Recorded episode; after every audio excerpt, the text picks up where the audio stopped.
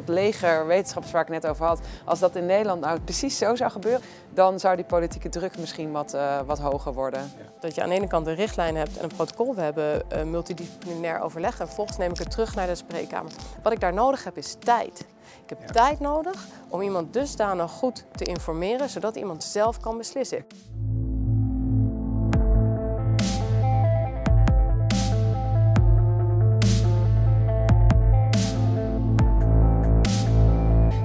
Welkom bij Niemandsland. We hebben weer twaalf afleveringen met twaalf bijzondere experts en we behandelen zes belangrijke thema's die in de wereld spelen, maar zeker ook in Nederland. En we gaan het nu hebben over gezondheidszorg en natuurlijk ook over leefstijl. In de vorige aflevering hebben we duidelijk gesproken over probleemstellingen die er zijn. En we gaan nu kijken naar oplossingen of mogelijke oplossingen. Of we zoeken een weg naar dialoog om te kijken hoe we een, uh, een andere afslag misschien moeten maken. Uh, en we zitten weer hier met uh, twee de, dezelfde sprekers als verleden. Natuurlijk aflevering 1. dag Evelien, Evelien Peters. Dag Eline, Eline van den Broek. we zijn de vorige keer gestopt eigenlijk met, we hadden het over protocollen. En uh, ja, misschien moeten we daar even oppakken, bij de patiënt ook denk ik, hè, dat is belangrijk. Um, ja, ik heb dat, ja, nou, ik heb al eerder gezegd, hè, we hebben allemaal natuurlijk ook ervaringen hè, die we meemaken. En een heel mooi protocol die ik heb meegemaakt was met mijn dochter. Die was omver gesnowboard en die viel heel hard op de hoofd. En vervolgens uh, ja, was ze ook haar bewustzijn kwijt. En ik heb haar toen eigenlijk als reactie, hè, een soort van intrinsieke reactie, van oh, ik moet er overeind zetten, want ze begon al met overgeven. En ik vergeet nooit meer hoe dat toen ging, als je het over protocol hebt. Zij werd naar beneden gebracht namelijk. En toen zij beneden was in een soort post, hè, waar we moesten wachten op het vervoer naar het ziekenhuis, uh, toen moest ze een nekbrace om. Maar dat was de protocol. Maar dat ging natuurlijk niet, want ze was steeds aan het overgeven, dus ze stikte bijna. En ik zei, die nekbrace moet af. Nou, dat was best wel, kostte me moeite. Vervolgens toen ze in de ambulance ging, hebben ze mij verzocht of ik alsjeblieft niet wilde praten over dat de nekbrace niet om was. Omdat in het ziekenhuis hetzelfde protocol zo belangrijk was dat mensen op daarop zouden worden kunnen aangesproken. Terwijl ik zoiets had ja, maar ik, het kan niet, want ze heeft geloof ik in de, zelfs in de ambulancerit van een half uur, ik geloof 15 keer overgegeven. Uh, maar, maar, dit is een beetje ja, wat, wat het verschil is misschien, hè, van dat je aanvoelt, hey, wat moet ik nu doen met, met mijn patiënt? Gaat het nog om de patiënt of gaat het nou om de protocollen? Hoe ervaar jij dat? Want jij bent natuurlijk ook heel erg druk bezig met efficiëntie, protocollen. Ja. Maar jij zei wel iets heel moois, Eline. Het gaat wel om de patiënt. Ja, zeker. Ja, en ik vind het ook wel mooi, want als ik jouw uh, verhaal hoor, dan denk ik steeds in welk land. Want ik heb nu heel veel ervaring uh, in Amerika. Ik, Dit was in Oostenrijk? Ja, precies, dat dacht ik al. Ja, in de Verenigde Staten is dat uh, nog, nog veel meer zo. Dat je denkt, oh jee, oh jee, wie gaan we ja, verantwoordelijk houden voor eventuele Schade, ja, problemen die nog ontstaan. En um, ja, al die systemen hebben hun voor- en nadelen natuurlijk. Maar ik vind het wel heel bijzonder dat ik in um, twee systemen echt behoorlijk behoorlijk kijkje in de keuken heb kunnen nemen. En de twee systemen konden in bepaalde opzichten echt niet verschillender. En dit is er één. Um, en um, ja, ik denk dat, uh, ik, ik zei in de vorige aflevering ook al, kijk, protocollen zijn uh, inderdaad, Evelien zei dat ook heel mooi, zijn een richtlijn en die moet je ook zeker hebben. Al denk ik wel dat we wel iets actiever mogen vernieuwen met die protocollen, want uh, die protocollen zijn heel statisch. Hè? Je ziet eigenlijk dat er heel weinig vernieuwd wordt. Um, maar belangrijker nog, je moet niet vergeten dat je ook gewoon nog met mensen en met menselijke inzichten te maken hebt. En als we alles zouden kunnen automatiseren, dan zou de machine het ook volledig van ons kunnen overnemen. Dus juist. Maar gaat het ook niet misschien gebeuren? Hè? Dus dat eigenlijk, ja. want hè, de, de data weet veel meer dan jouw hè, ja. huisarts, bij wijze van spreken. Ik zeg ja. even wat, hè? Met alle kennis die die heeft. Maar ja, als je natuurlijk de data pakt van bij wijze van spreken, ik noem maar wel 20.000 huisartsen, dan zal dat misschien iets meer kennis geven dan één huisarts. Ja, nou ja, ik, uh, ik zei vorige aflevering al, ik ben, uh, ja, mijn uh, onderzoekslijn richt zich op keuzemodellen, dus zowel bij patiënt als bij de artsen. En um, ja, juist het hele grote grijze vlak waar we uh, wat we niet kunnen voorspellen is waar ik zo enorm gefascineerd door ben. En dat is het stukje uh, gevoel, emoties, uh, waarden, um, alle dingen die maakt hoe mensen kiezen, die we niet kunnen verklaren op dingen die we kunnen meten. En um, ja, we worden daar wel steeds beter in. Je merkt dat ook dingen als emoties kunnen we steeds beter ja, groeperen en begrijpen vanuit het brein hoe die ontstaan. Um, maar dat maakt ze nog niet altijd voorspelbaar. En dat maakt het denk ik ook juist heel mooi. En ik denk ook wat dat betreft dat we gelukkig de arts nog echt wel een, belangrijke taak blijft houden in ons zorgsysteem. En ehm, ik denk wel dat de machine steeds meer kan overnemen. En dat is ook een natuurlijke ontwikkeling. En dat is ook een goede ontwikkeling, denk ik. Ehm, maar die rol van die arts die, die zal dus moeten gaan veranderen. En juist dat protocol is iets wat je aan een machine kan overlaten. En die arts die hebben juist steeds meer nodig voor dat stukje menselijk inzicht. En, en die keuzes die in bepaalde situaties gewoon gemaakt moeten worden. Ja, jij zei daar iets heel moois over, hè, Evelien, in de, vorige uitzending. Dat je zei van ja, die persoonlijke zorg, die patiënt is belangrijk. Want uh, dat doe ik zelf ook. Hè. Ik kan heel veel protocollen en data, die win ik al in. Als ik iets heb, dan ga ik zelf al op zoek. En eigenlijk weet je al heel veel. En je wil eigenlijk die kennis delen met je arts. Zo van, hé, hey, maar ik ben al ingelezen eigenlijk. Maar natuurlijk, de specialist kan, mij, kan mij die gidsen. Want dat zei jij. Uh, maar vooral in de tijd en communicatie. Hè? Want missen we dat niet een beetje? Ja, en Ehm, qua protocollen is het verschil tussen het opstellen uh, en, en uitgeven van een, van een richtlijn en de implementatie daarvan werkelijk in de praktijk. Dat weten we bijvoorbeeld bij huisartsen. Er zit ongeveer tien jaar uh, verschil in. Hè, tot iedere huisarts een bepaalde richtlijn volgt uh, ten opzichte van wanneer die is uitgegeven, is ongeveer tien jaar. Dus dat betekent dat dat ontzettend traag in de praktijk wordt ingevoerd. Dus we, aan de ene kant zouden we ongelooflijk veel nog kunnen winnen als dat veel sneller zou gaan. De andere kant is, ja, hoe dan? Want er is zo ongelooflijk veel kennisvermeerdering dat op dit moment in de uh, medische kennis is de, houdbaarheid van medische kennis is vijf jaar en de uh, medische opleiding is zes jaar. Dat betekent dat in het zesde jaar de kennis van het eerste jaar en niet de basale, hè, je lichaam verandert niet per se, uh, je hart zit altijd aan een bepaalde kant, hè, maar de, um, de, de, nieuwe kennis die erbij komt, die verloopt ook heel snel. Hè. Dus we krijgen heel snel nieuwe inzichten, waarbij we vroeger wat meer over waarheden misschien hadden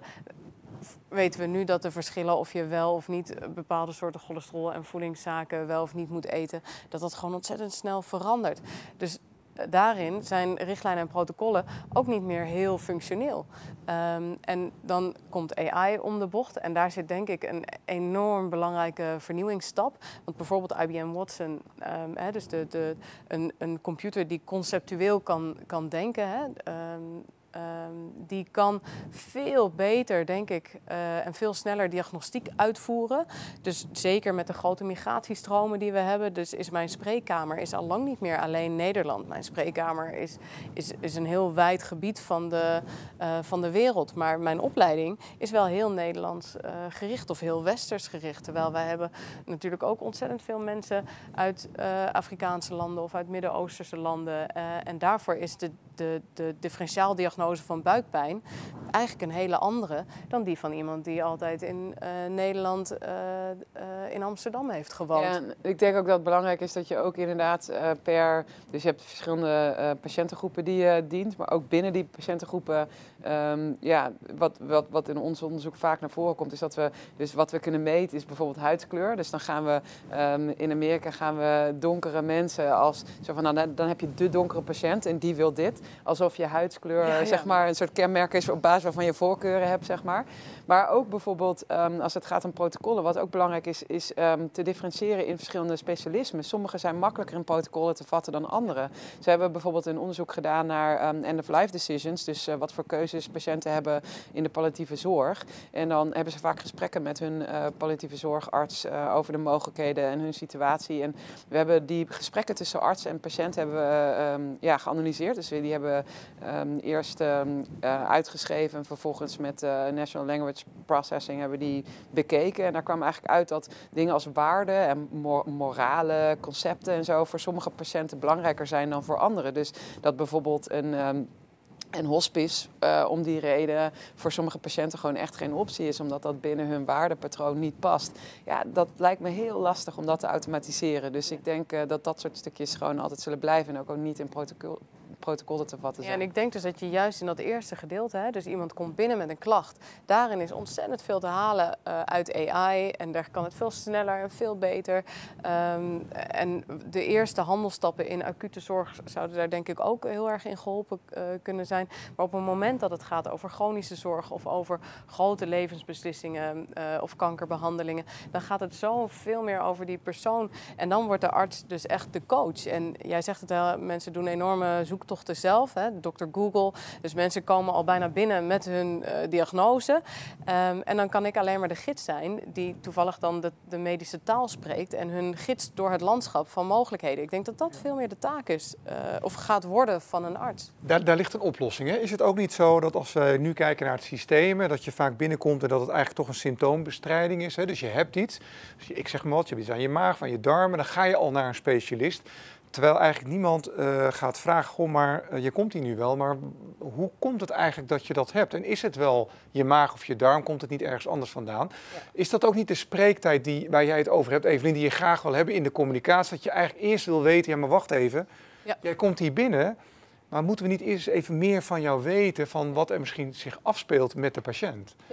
Ja, ja dat, dat, dat is een ontzettend belangrijk punt, maar daar verdient niemand geld aan dus dus de, de, we, ik denk dat dit voortkomt. Niet op de korte termijn, maar op de lange termijn natuurlijk wel. Nou, heel groot overwegend. Maar de, de, de, de dokter en de patiënt zijn ook de markt voor, voor pharma en big tech en diagnostische zorg. Dus de, de, de drijfveren vanuit uh, geldstromen liggen wel in het, in het behandelen. Terwijl ik denk voor gezondheid en voor toename van gezondheid doen we het helemaal daar niet per se beter op. En doe je zelfs door afwachten het vaak veel beter. En daarvoor heb je tijd nodig. En als je nu kijkt, is dat 60% van de mensen die bij de huisarts komen, die hebben niet een, een, een acute aanwijsbare ziekte. Hè. Dan val je veel meer binnen dat, dat, dat zolk of dat. Hè. Dus we, continu heeft ieder persoon Kun je het SOLK nog even toelichten? Want daar hebben we vorige keer over gehad. Wat is SOLK, uh, Evelien? Nou, dat staat, dat, het is ondertussen een andere term, maar dat gaat over, over klachten die we niet uh, kunnen bestempelen als een bekende ziekte op dat moment. En dat, dat speelt heel erg, denk ik. Het komt ontzettend veel voor. Burn-outs, mensen die niet weten waar... Hè? Nou, de, de vermoeidheid, buikpijn, hoofdpijn, chronische pijnklachten, gewrichtsklachten, spierpijnen, misselijkheid... Uh, tintelingen, oorsuizen. Uh, er is ontzettend veel. En een, een, aantal hebben een eigen term. Prikkelbare darmsyndroom, fibromyalgie, uh, chronisch vermoeidheidssyndroom.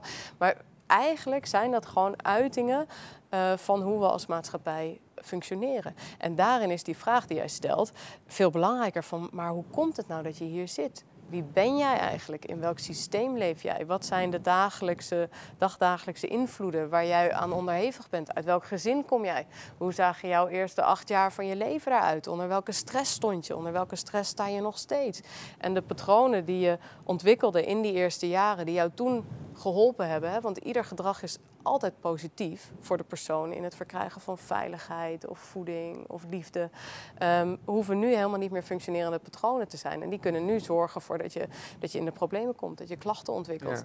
En dat betekent dus dat je, dat je de persoon als geheel moet zien met zijn hele ecosysteem eromheen.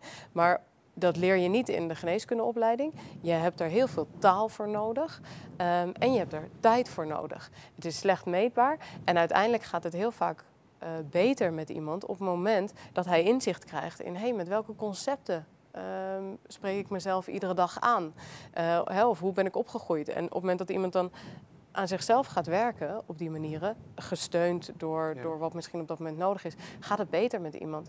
En, ja, maar da daar is een totaal andere aanpak van nodig. Als je dan kijkt naar oplossingen, dan denk ik dat, dat wat in ons systeem zou moeten gebeuren, is dat wij beloond gaan worden voor het gezond houden en gezonder maken van mensen. En niet meer voor het wachten op ziekte. Want ons systeem zit nu in elkaar dat ik krijg pas geld op het moment dat iemand met een ziekte bij me komt. Ja, ja, de ziekenhuizen hè, die moeten eigenlijk zelfs nog een beetje groeien. Er moet meer omzet gedraaid worden, want dan doe je het goed.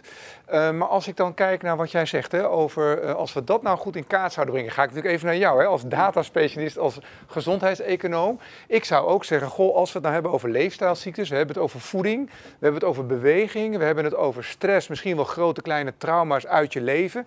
Is het niet ontzettend belangrijk om van een patiënt te weten hoe dat zit, om juist hem dan goed te kunnen behandelen?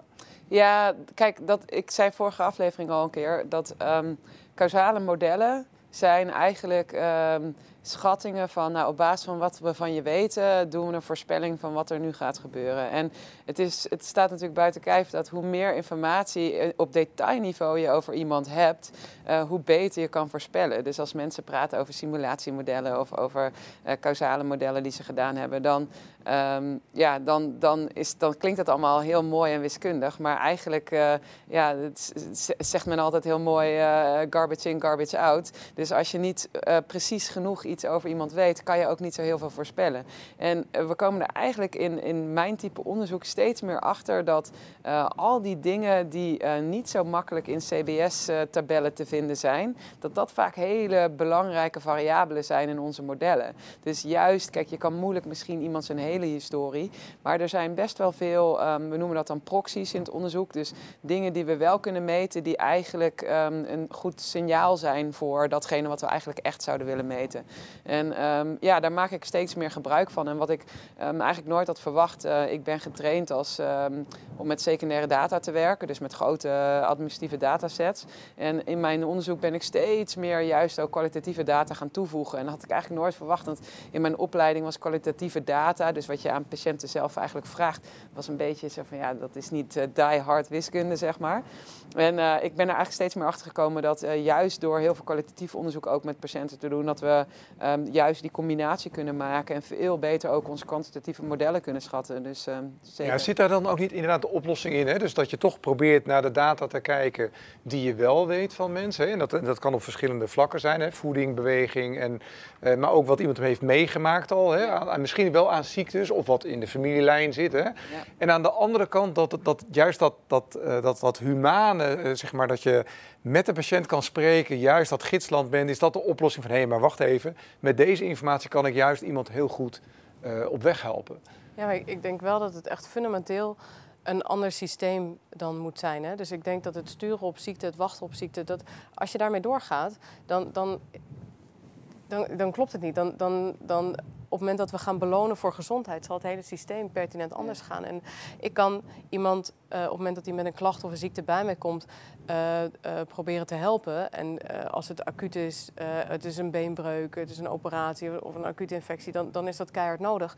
Maar de grootste bulk van, van zorg, en dat is heel erg toenemend, zijn chronische klachten en zijn welvaartsziektes. En op het moment dat we, tuurlijk, ik kan overal pilletjes voor geven en bloeddruk behandelen en suikerziekte behandelen, maar de suikerziekte, hè, als je een type 2 suikerziekte hebt, dan is die suikerziekte helemaal niet de ziekte. De ziekte is het overgewicht. Het overgewicht is de ziekte van een zieke maatschappij. Dus op het moment dat wij niet de maatschappij veranderen, als we niet zorgen dat uh, de, de, grote frisdrankmaatschappijen, de, grote, de multinationals die zoveel verdienen op, op het verkopen van slecht voedsel. Maar het eten in de kantine van het ziekenhuis moet dus dan ook eigenlijk al meteen anders zijn. Hè? Dat zou gezond zijn. moeten zijn. Ja. Wat je de... ik, zie, ik vind het zo grappig, hè? want uh, ik zei net al, ik, ik uh, heb in twee systemen gewoond, geleefd, gewerkt, Amerika en Nederland. Um, zowel in de zorg, maar ook als mens. En um, er is in Nederland altijd heel veel kritiek op Amerika. En ik heb er ruim tien jaar gewoond, dus volgens mij heb ik wel redelijk wat ervaring in verschillende regio's ook. En um, er zijn een aantal dingen die ik daar echt ontzettend veel beter aangepakt vind. En niet per se beter geregeld als wel. Er is meer besef dat er iets gedaan uh, moet worden. En preventie is echt een hele belangrijke. het valt mij op dat er veel meer bewustzijn is als het gaat om uh, preventie. levensstijl wordt echt veel specifieker specifieker benoemd. Um, er wordt ook veel meer in geïnvesteerd. Mensen die onderaan de samenleving zitten qua inkomen en qua mogelijkheden worden ook, um, ja, ook wel extra ge geholpen in veel regio's. Um, in Nederland hoor je altijd de keerzijde van dat verhaal. Van nou, in Amerika is het allemaal heel slecht. Maar er zijn een aantal dingen die echt beter zijn. Bijvoorbeeld food programs op scholen. Waarbij echt gewoon uh, gestimuleerd wordt dat er goede maaltijden komen. Zodat die kinderen die thuis slechte voeding krijgen, dat die in ieder geval op school goed gevoed worden. En zo zijn er talloze voorbeelden te noemen. Wel, Eline, want ik ben daar een paar keer op vakantie geweest. En ik ja. heb een paar keer geprobeerd met een camper zeg maar, normaal ja, eten te krijgen. Ja, noem je het perfecte voorbeeld. Ja, en ik, ja. ik, ik, ik, werkelijk waar, ik heb op zoveel plekken was het onmogelijk omdat er alleen maar, maar fastfood zat. Weet dit, je wel? dit Dus- verhaal hoor ik echt alleen maar van Nederlanders. En het is ook een soort, alsof je een soort van secundaire economie hebt. Als je met een camper in Amerika gaat reizen en je weet niet waar je moet zijn, dan heb je dat beeld van Amerika. En als ik dat zelf ga doen, dan kom ik ook alleen maar langs de fastfood uh, restaurants. Terwijl ik moet heel erg zeggen, ik eet over het algemeen beter in de VS dan ik in Nederland doe. En om daar even iets aan toe te voegen, als we het dan toch even over mijn dingetje data hebben. Er is ook heel weinig kennis in Nederland. Wij hebben een hele eenzijdige media die ons op een heel eenzijdige manier voedt. En ook in ons systeem zit maar, van Amerika is het heel slechte voeding. En het, het blijft stelselmatig dezelfde verhalen verteld. Er, alsof er ook nooit wat veranderd is in de afgelopen twintig jaar. Want ik hoor die verhalen al twintig jaar.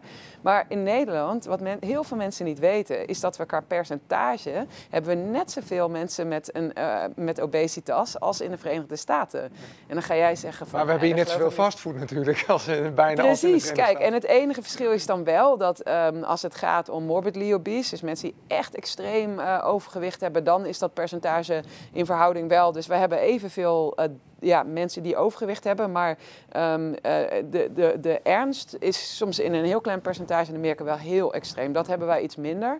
Maar ja, dat, wellicht gaan we daar ook naartoe. Hè? Ik bedoel, als dat op dezezelfde lijn doorgaat. Maar ik wil toch even naar de oplossing. Hè? Want ik zie ook wel dat in Amerika hebben we natuurlijk ook wel kunnen, wat beter eten kunnen komen. Maar het was duur. Dat is in Nederland ook. Hè? Dus als je beter eten wil hebben, is het duur. Dat wordt ook duurder gemaakt. Ga ik toch weer even terug naar de, de grote farma en de techbedrijven. Die zie je daar dat ze met hun vezels in, daar overal tussen zitten. Uh, ja, ik noem dan de, medische data een beetje, dat het nieuwe goud. Daar maken zij goed gebruik van, kunnen ze veel geld aan verdienen. Even terug naar de gezondheidszorg waar jullie in zitten. De ziekenhuizen, de organisatie, maatschappen, het bestuur. Uh, maar misschien ook wel uh, decentralisatie van inkoop. Is daar ook niet veel te winnen? Zijn daar, zijn daar oplossingen mogelijk? Ja, nou ja, oplossingen zijn er zeker mogelijk. Maar wat daarbij hoort is dat we, dat we als maatschappij anders gaan kijken ook naar gezondheid en ziekte. En dat we ten eerste veel meer gaan voor eigenaarschap. Dus dat jij bent degene met de klacht. Uh, en alleen jij kunt hem echt oplossen. En iemand anders kan jou alleen maar oplossingen aanbieden of jou daarin helpen. Maar die eigen verantwoordelijkheid, die nu heel erg weg is genomen uit het systeem, die moeten we denk ik weer, weer toevoegen en gaan stimuleren. Dat mensen werkelijk een keuze krijgen. En daar moeten we dus weer tijd uh, voor vrijmaken, zodat je echt kan informeren, zodat mensen werkelijk die keuze ook uh, kunnen maken. Dus het zijn, het zijn grote systeemveranderingen uh, die we op kleine schaal al wel kunnen doorvoeren. Maar dat betekent dat je met zorgverzekeraars, lokale ziekenhuizen en huisartsen ehm, daar helemaal op één lijn uh, op moet zitten. En dan ligt denk ik de oplossing heel erg bij weer kleiner gaan. Uh, en juist decentraal klein organiseren. Als je met z'n allen in een, in een kleine regio met één zorgverzekeraar um, uh, ja, kan, kan schetsen hoe je de toekomst ziet. Hoe je, hoe je, dan, dan ben je veel makkelijker los van lobby en, en um, invloeden van, van groot geld dan als je dat centraal probeert. Ja, en dat zie je dus in de Verenigde Staten zie je dat dus ook heel sterk. Want wij werken in uh, de staat waarin ik werk heel uh, nauw samen met uh, wat je dan de community health teams noemt. Dus de, de, de, de, op, op gemeenschapsniveau de teams die eigenlijk heel allround zijn. Die hebben voedingsadviseurs, sociale werkers, artsen. En die werken allemaal in één team. En die, die zitten eigenlijk op die eerste laag, op die preventielaag. Dus ze worden eigenlijk, patiënten worden hun toegekend of hun subsidies worden toegekend op basis van de patiënten die in hun regio wonen. Uh, maar het grappige is eigenlijk dat als je dan goed met die community health teams praat, is dat ze eigenlijk zeggen, ja, we gaan eigenlijk veel meer, beginnen we dus met die patiëntgerichte aanpak van, oké, we moeten officieel nu van de verzekeraar van het ziekenhuis jou gaan uh, uh, helpen met je diabetes. Maar we gaan eerst eens even hebben over wat jij nou vindt, waar jij nou vindt dat je hulp voor nodig hebt. Want is een redenering, als die patiënt niet eerst zelf empowered is om uh, eerste stappen te maken, dan komt diabetes helemaal aan het eind van dat traject. Ja. En de Nederlandse zorg is heel erg gericht op curatieve zorg. Dus heel erg op, als mensen eenmaal ziek zijn, dan gaan we ze beter maken. En dan ben je eigenlijk al te laat. Qua kosten, maar ook qua gezondheidsuitkomsten. Ja, Nee, dat, ja, precies. En, dus, dus, uh, ja, en is dat dan, uh, zien jullie daar oplossing in als je kijkt dan naar het huidige systeem? Hè?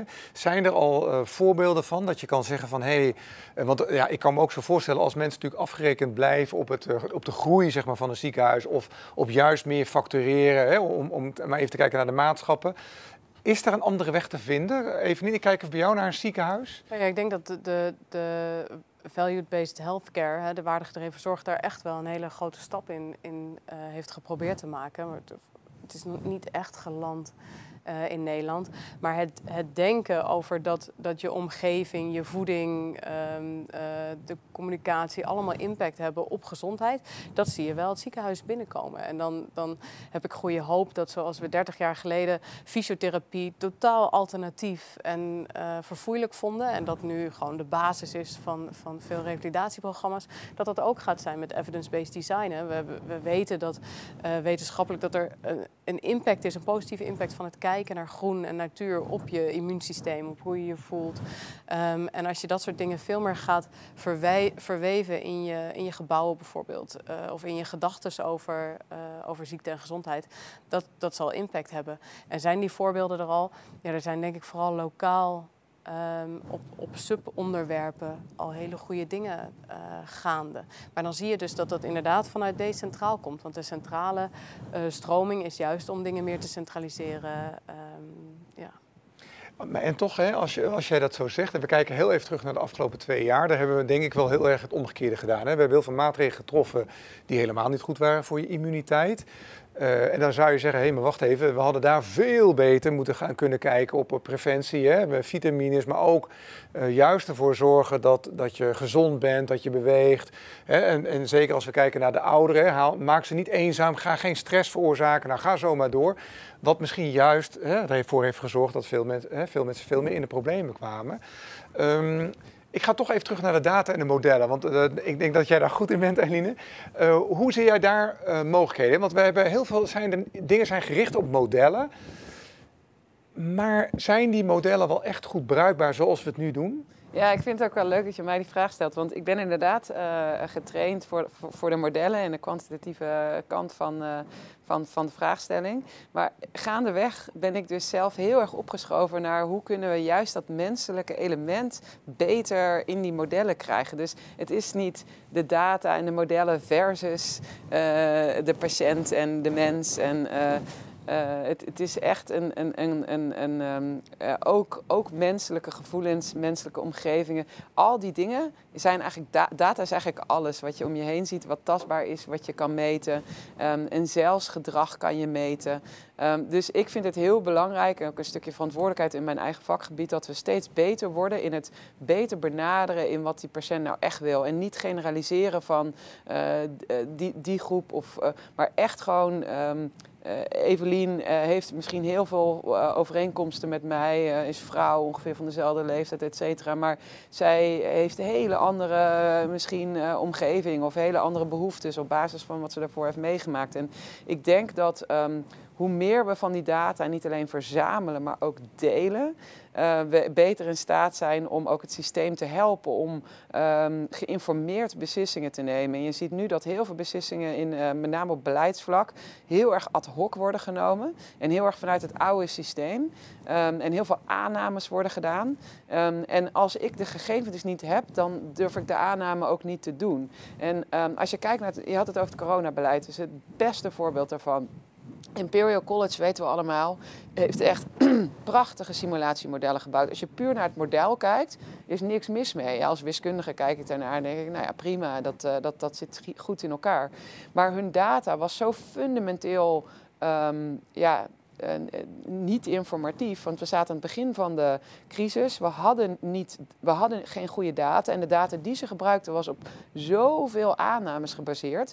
Dat, uh, ja, dan heb je dus dat rubbish in, rubbish out uh, principe. Ja. Dus het belangrijkste van die modellen, en ik denk echt dat dat belangrijk is om even bij stil te staan, is dat um, zij gingen ervan uit dat corona een bepaalde sterfte met zich meebracht. Omdat ze um, het aantal mensen wat corona had, door, of het aantal mensen wat overleed aan, aan COVID, deelde door het aantal mensen wat het had. Maar op het moment dat ze die modellen bouwden, wisten we eigenlijk nog niet heel erg veel over mensen die het hadden. Want we hadden eigenlijk die testspullen uh, ja, nog niet uh, voldoende aanwezig. Nee, maar los van dus, de testen, ga je dood met corona of aan corona? Er zitten nogal ja, wat verschillen. Ook dat, ja, dat is ook een hele belangrijke. En um, die gegevens waren zo extreem niet nauwkeurig dat zo'n model prachtig is gebouwd. En daarom ben ik um, heel erg veel, ook in het publieke debat, nu de nadruk aan het leggen op de kwaliteit van de data. Want de modellen kunnen heel veel mensen wel bouwen, maar de kwaliteit van de data, ik vind het ook een taak van bijvoorbeeld de zorgverlening, uh, van artsen ook en, en verpleegkundigen, dat zij die gegevens ook nauwkeuriger delen. En dat ze ook bijvoorbeeld, je hebt zo'n elektronisch patiëntendossier,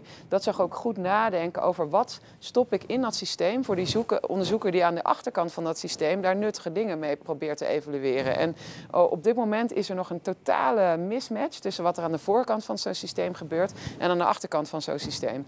En dat moet echt ook beter worden, willen we betere modellen uh, of betere uitkomsten hebben. Ja. Wat ik heel mooi vind is wat je zegt, hè? als je kijkt ook naar de huidige economie, dat gaat ook op modellen, maar dat gaat dan over het kapitalisme. Hè? Het gaat voornamelijk naar de aandeelhouders, een beetje hetzelfde. Hè? Er wordt veel met modellen gewerkt. Terwijl uh, ik dan denk als ondernemer, maar wacht eens even, economie is een sociale wetenschap. Want het gaat over mensen. En feitelijk zou dat in de gezondheidszorg misschien nog wel veel meer moeten tellen. Dat het een sociaal, dat, dat de, hè, de economische gezondheidszorg een sociale wetenschap is. Het gaat om mensen en om patiënten. En dat, dat het zo belangrijk is dat we die data kennen. Is, zie je dat ook zo, Evelien? Ja, ja, je hebt het eigenlijk al gezegd, hè? Die, die patiënt en die communicatie, hè? daar heb jij wat over geroepen. Zie je daar mogelijkheden dat, dat, dat die tijd dat je, die je graag wil hebben, dat je die ook gaat krijgen? Ja, dan moet ook weer de financiering van het systeem uh, anders. Maar ik, en ik denk dat, we, dat het sowieso heel belangrijk gaat zijn als er veel meer communicatie uh, aandacht gaat zijn binnen de opleiding. de, de uh, placebo, nocebo effecten hebben op dit moment eigenlijk weggezet als een, als een nare bijkomstigheid van wetenschappelijk onderzoek. Terwijl placebo is, is gewoon je sterke zelfhelende kracht die je aan en uit kan zetten uh, door de woorden die je gebruikt, door de zorgverlener die je, die je begeleidt. En daar maken we geen gebruik van, want uh, ja, dat, dat, dat, dat is iets, daar, daar hoef je niemand voor te betalen. Daar hoef je niets voor af te nemen. Maar op het moment dat we ons veel meer zouden focussen op wat, wat taal en communicatie uh, en dat nemen van eigenaarschap uh, zou doen, dan krijgen we een hele andere gezondheidszorg. En ik denk dat, dat data, hè, dus uh, um, Uh, nou, bijvoorbeeld het voorbeeld van, van de niersteen. En daar kun je hele harde data opnemen. Dat is, dan is data heel makkelijk en heel handig. Maar laten we dan wel zorgen dat de data uh, vrij toegankelijk, transparant en niet van bepaalde bedrijven is, maar dat die. Ja, ja ik ben ook echt een groot voorstander. ben echt een groot voorstander van open source ook in dat opzicht. Want uh, je ziet dat uh, precies wat jij zelf al een paar keer aangaf. Um, de data is gewoon aanwezig en die wordt al gedeeld. En er zijn al bedrijven die mij hele echte EPD-data van, van honderden ziekenhuizen internationaal aanbieden. Allemaal geanonimiseerd weliswaar. En daar kan je mooie klinische studies mee doen met die data. Maar um, dat, dat, um, daar zit een heel commercieel systeem achter. Hè. Data is echt... Uh, het nieuwe goud, hè? Ja. zeker. En uh, ja, dat is... Um, dat, dat, ik, ik, je ziet wel ook een soort tegenbeweging, mede vanuit de wetenschap, van uh, kennis is van ons. Het is een gemeen, gemeen goed en het is niet van een select groepje. En juist als we als gemeenschap verder willen, innovatie willen bevorderen, beter willen begrijpen hoe de processen verlopen, ja, dan, dan zal je daar transparant in moeten zijn. Ja. Ja. Ik wil even het praktische voorbeeld noemen, hè, want ik heb het bij jullie genoemd, maar niet in de camera. Dus ik ga even vertellen wat ik vertelde over mijn niersteen. Uh, er zijn eigenlijk twee mogelijkheden om hem weg te halen. Hè. Dus je kan of, een, dat heet dan een mooie URS-operatie, dus laseren weghalen. Of je doet het met geluidsgolven, je gaat het vergruizen. Maar ik heb dan in dit geval een harde steen en dan is de harde data misschien, goh, maar als die harder is dan 1000, heeft vergruizen niet zoveel zin. Ik denk als je dat verzamelt, dan weet je dat op een gegeven moment wel.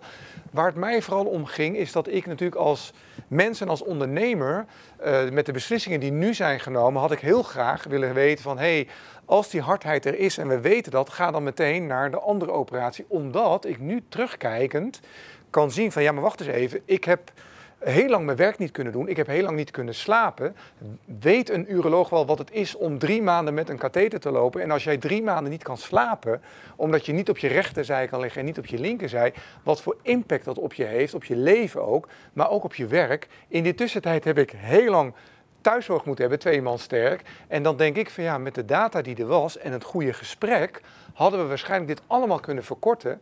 Niet alleen dat het beter was voor mij, maar ook in de efficiëntie van de kosten. Ja, en zo zie je dan dat, dat, dat die dataverzameling wel essentieel is. En dat we daar nog veel meer mee kunnen doen. En dat je bijvoorbeeld het voorbeeld hè, van de value-based healthcare is van de, de, de, de prostaatcarcinoom en de operatie daarvan, dan blijkt dat mannen veel liever kiezen voor een, een onvolledige operatie waarbij een rest blijft zitten, maar geen impotentie en geen uh, incontinentieklachten, dan het volledig verwijderen van het carcinoom. En dat had iemand op voorhand waarschijnlijk niet kunnen bedenken, omdat voor ons dat de afwezigheid van ziekte zo groot is gemaakt.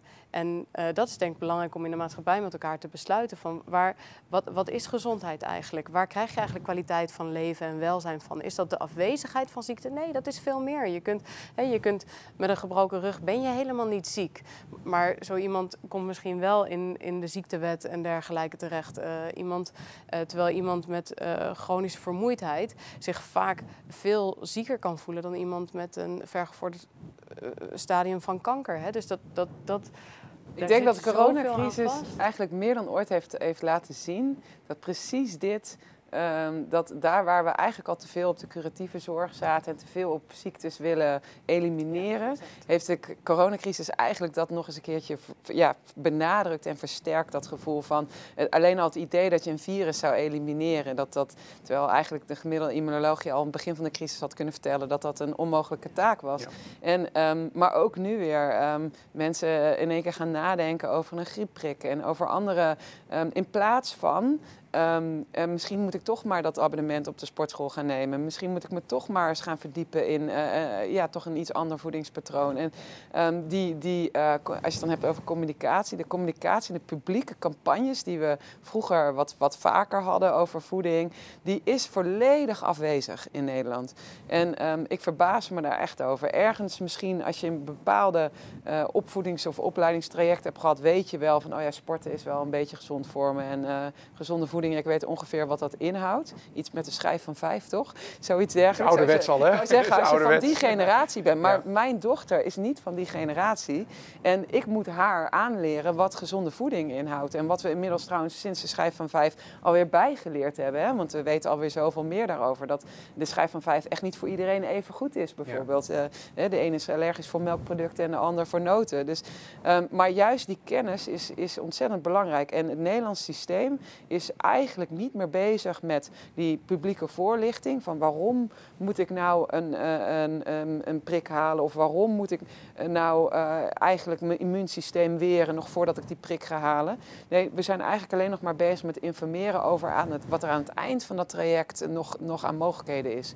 En dat is eigenlijk een gemiste kans. Ja, en dit is dan de kern. En als je het dan hebt over oplossingen, dan zie je dus dat de, de grote stromen, onze overheid, onze media, pharma, big tech, die zitten op, op angst op, op het aanleren van dat de afwezigheid van ziekte uh, een mogelijkheid is en een doel zou moeten zijn. En op centralisatie van zorg met daarbij een enorme drijfveer op efficiëntie en kostenbesparing.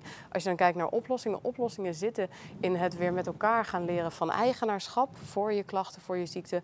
In, in het leren van de juiste communicatie over ziekte. In het vertrouwen in dat placebo-effect eigenlijk je zelfherstellend vermogen is. En dat Die groot is, hè? helemaal niets voor nodig hebt van buitenaf. Maar dat, het, dat dat echt je eigen waarde uh, betreft. Uh, en dat de, de, uh, de grote stromingen op leefstijl, op, op voeding, op dat, dat we daar beter aan doen als we naar klein gaan, naar decentraal. He, dus, dus ga met elkaar een gezondheidscommune vormen en heb met een huisarts en een lokaal ziekenhuis geef je visie weer en ga van daaruit werken. En ik denk dat als we dat gaan neerzetten en gaan laten zien dat dat werkt en dat het mensen gezonder maakt, ja, dan, dan, dan hopen, hopelijk gaan die grote stromingen um, dat uiteindelijk ondersteunen. Ja, en er is er nog eentje die ik eraan toe zou willen voegen. Daar hadden Evelien en ik het eerder vandaag al uh, even over. Um, er wordt ontzettend onderschat hoe de basis van al dit soort uh, ontwikkelingen eigenlijk wordt gelegd in de eerste paar jaar van je leven. Dat is echt, als je daar um, je goed in verdiept, dan, um, ik ben onderdeel in, een, uh, in Amerika van een hele grote studie naar de ontwikkeling van, uh, van, van um, ja, eigenlijk baby's tot, tot, tot, tot begin zeg maar van de volwassen jaren. En het eerste cohort is nu ook al begin 20 en het laatste cohort wat we nu volgen is eigenlijk in de corona, tijdens de coronacrisis geboren. En we kijken dus, we volgen dat cohort Eh, dus kijken naar um, hersenontwikkeling, maar ook naar gedrag. En naar, nou, om een heel concreet voorbeeld te noemen. Um, het corona-cohort volgen we nu, uh, los van de klinische uh, uitkomsten, ook op gedragsmatige uitkomsten. Wat heeft het bijvoorbeeld met een moeder gedaan dat zij in isolatie door haar zwangerschap is gegaan? Wat voor effect heeft dat gehad op de ongeboren baby, maar ook de geboren baby die dus in een lockdown geboren wordt, um, eigenlijk alleen maar zijn ouders ziet de eerste paar maanden van zijn leven, et cetera. En um, dat gaat eigenlijk door tot de ontwikkeling van de hersenen. Hè. Dat is eigenlijk een, een traject de eerste zeven jaar dat gaat dan nog, nog een jaar of tien nog verder voor het aanleggen van een aantal laatste schakels. En dat traject wordt zo gigantisch onderschat dat, dat je eigenlijk daar het fundament legt. En dat hangt dus, en daarom hangt gezondheidszorg dus ook zo nauw samen met investeren in onderwijs, met investeren in sociale hulp, um, in de maatschappij, het, het, het bevorderen van sporten, um, nou ja, enzovoort, enzovoort. Juist dat, die holistische aanpak, dus dat je dus naar het systeem in zijn geheel kijkt en niet alleen maar naar gezondheid gezondheidszorg als, als één geïsoleerd stukje in je systeem. dat, is, dat moet echt, die kant moeten we echt opgaan als het gaat om oplossingen. Ja. ik wil jullie graag heel erg bedanken, want ik vind het een heel mooi slot. Hè. vooral die holistische benadering, die zit dus niet alleen in onszelf hè, als mens, met onze organen, alles communiceert met elkaar, dat weten we. We hebben een heel mooi programma over de herverbinding met de natuur, de intelligente natuur. En de intelligentie op onze cellen is enorm. Daar vertellen we ook hoe dat zit en, en waarom dat zo belangrijk is. Ik hoor eigenlijk hier meteen ook de holistische benadering van alles eromheen. Dat, dat, hè, daar gelden eigenlijk dezelfde natuurwetten. Als we daar op de oplossingen zoeken, dan gaan we denk ik heel ver komen. Uh, ik ga jullie heel graag bedanken. Eline van der Broek, bedankt. Uh, Evelien Peters, bedankt. En uh, ja, kijkers, bedankt weer voor het kijken naar deze uitzending over oplossingen. En volg ook heel graag onze andere afleveringen. En er is een hele mooie rode draad in de, in de 12 afleveringen. Veel, nou, bedankt voor het kijken en veel plezier bij de volgende aflevering.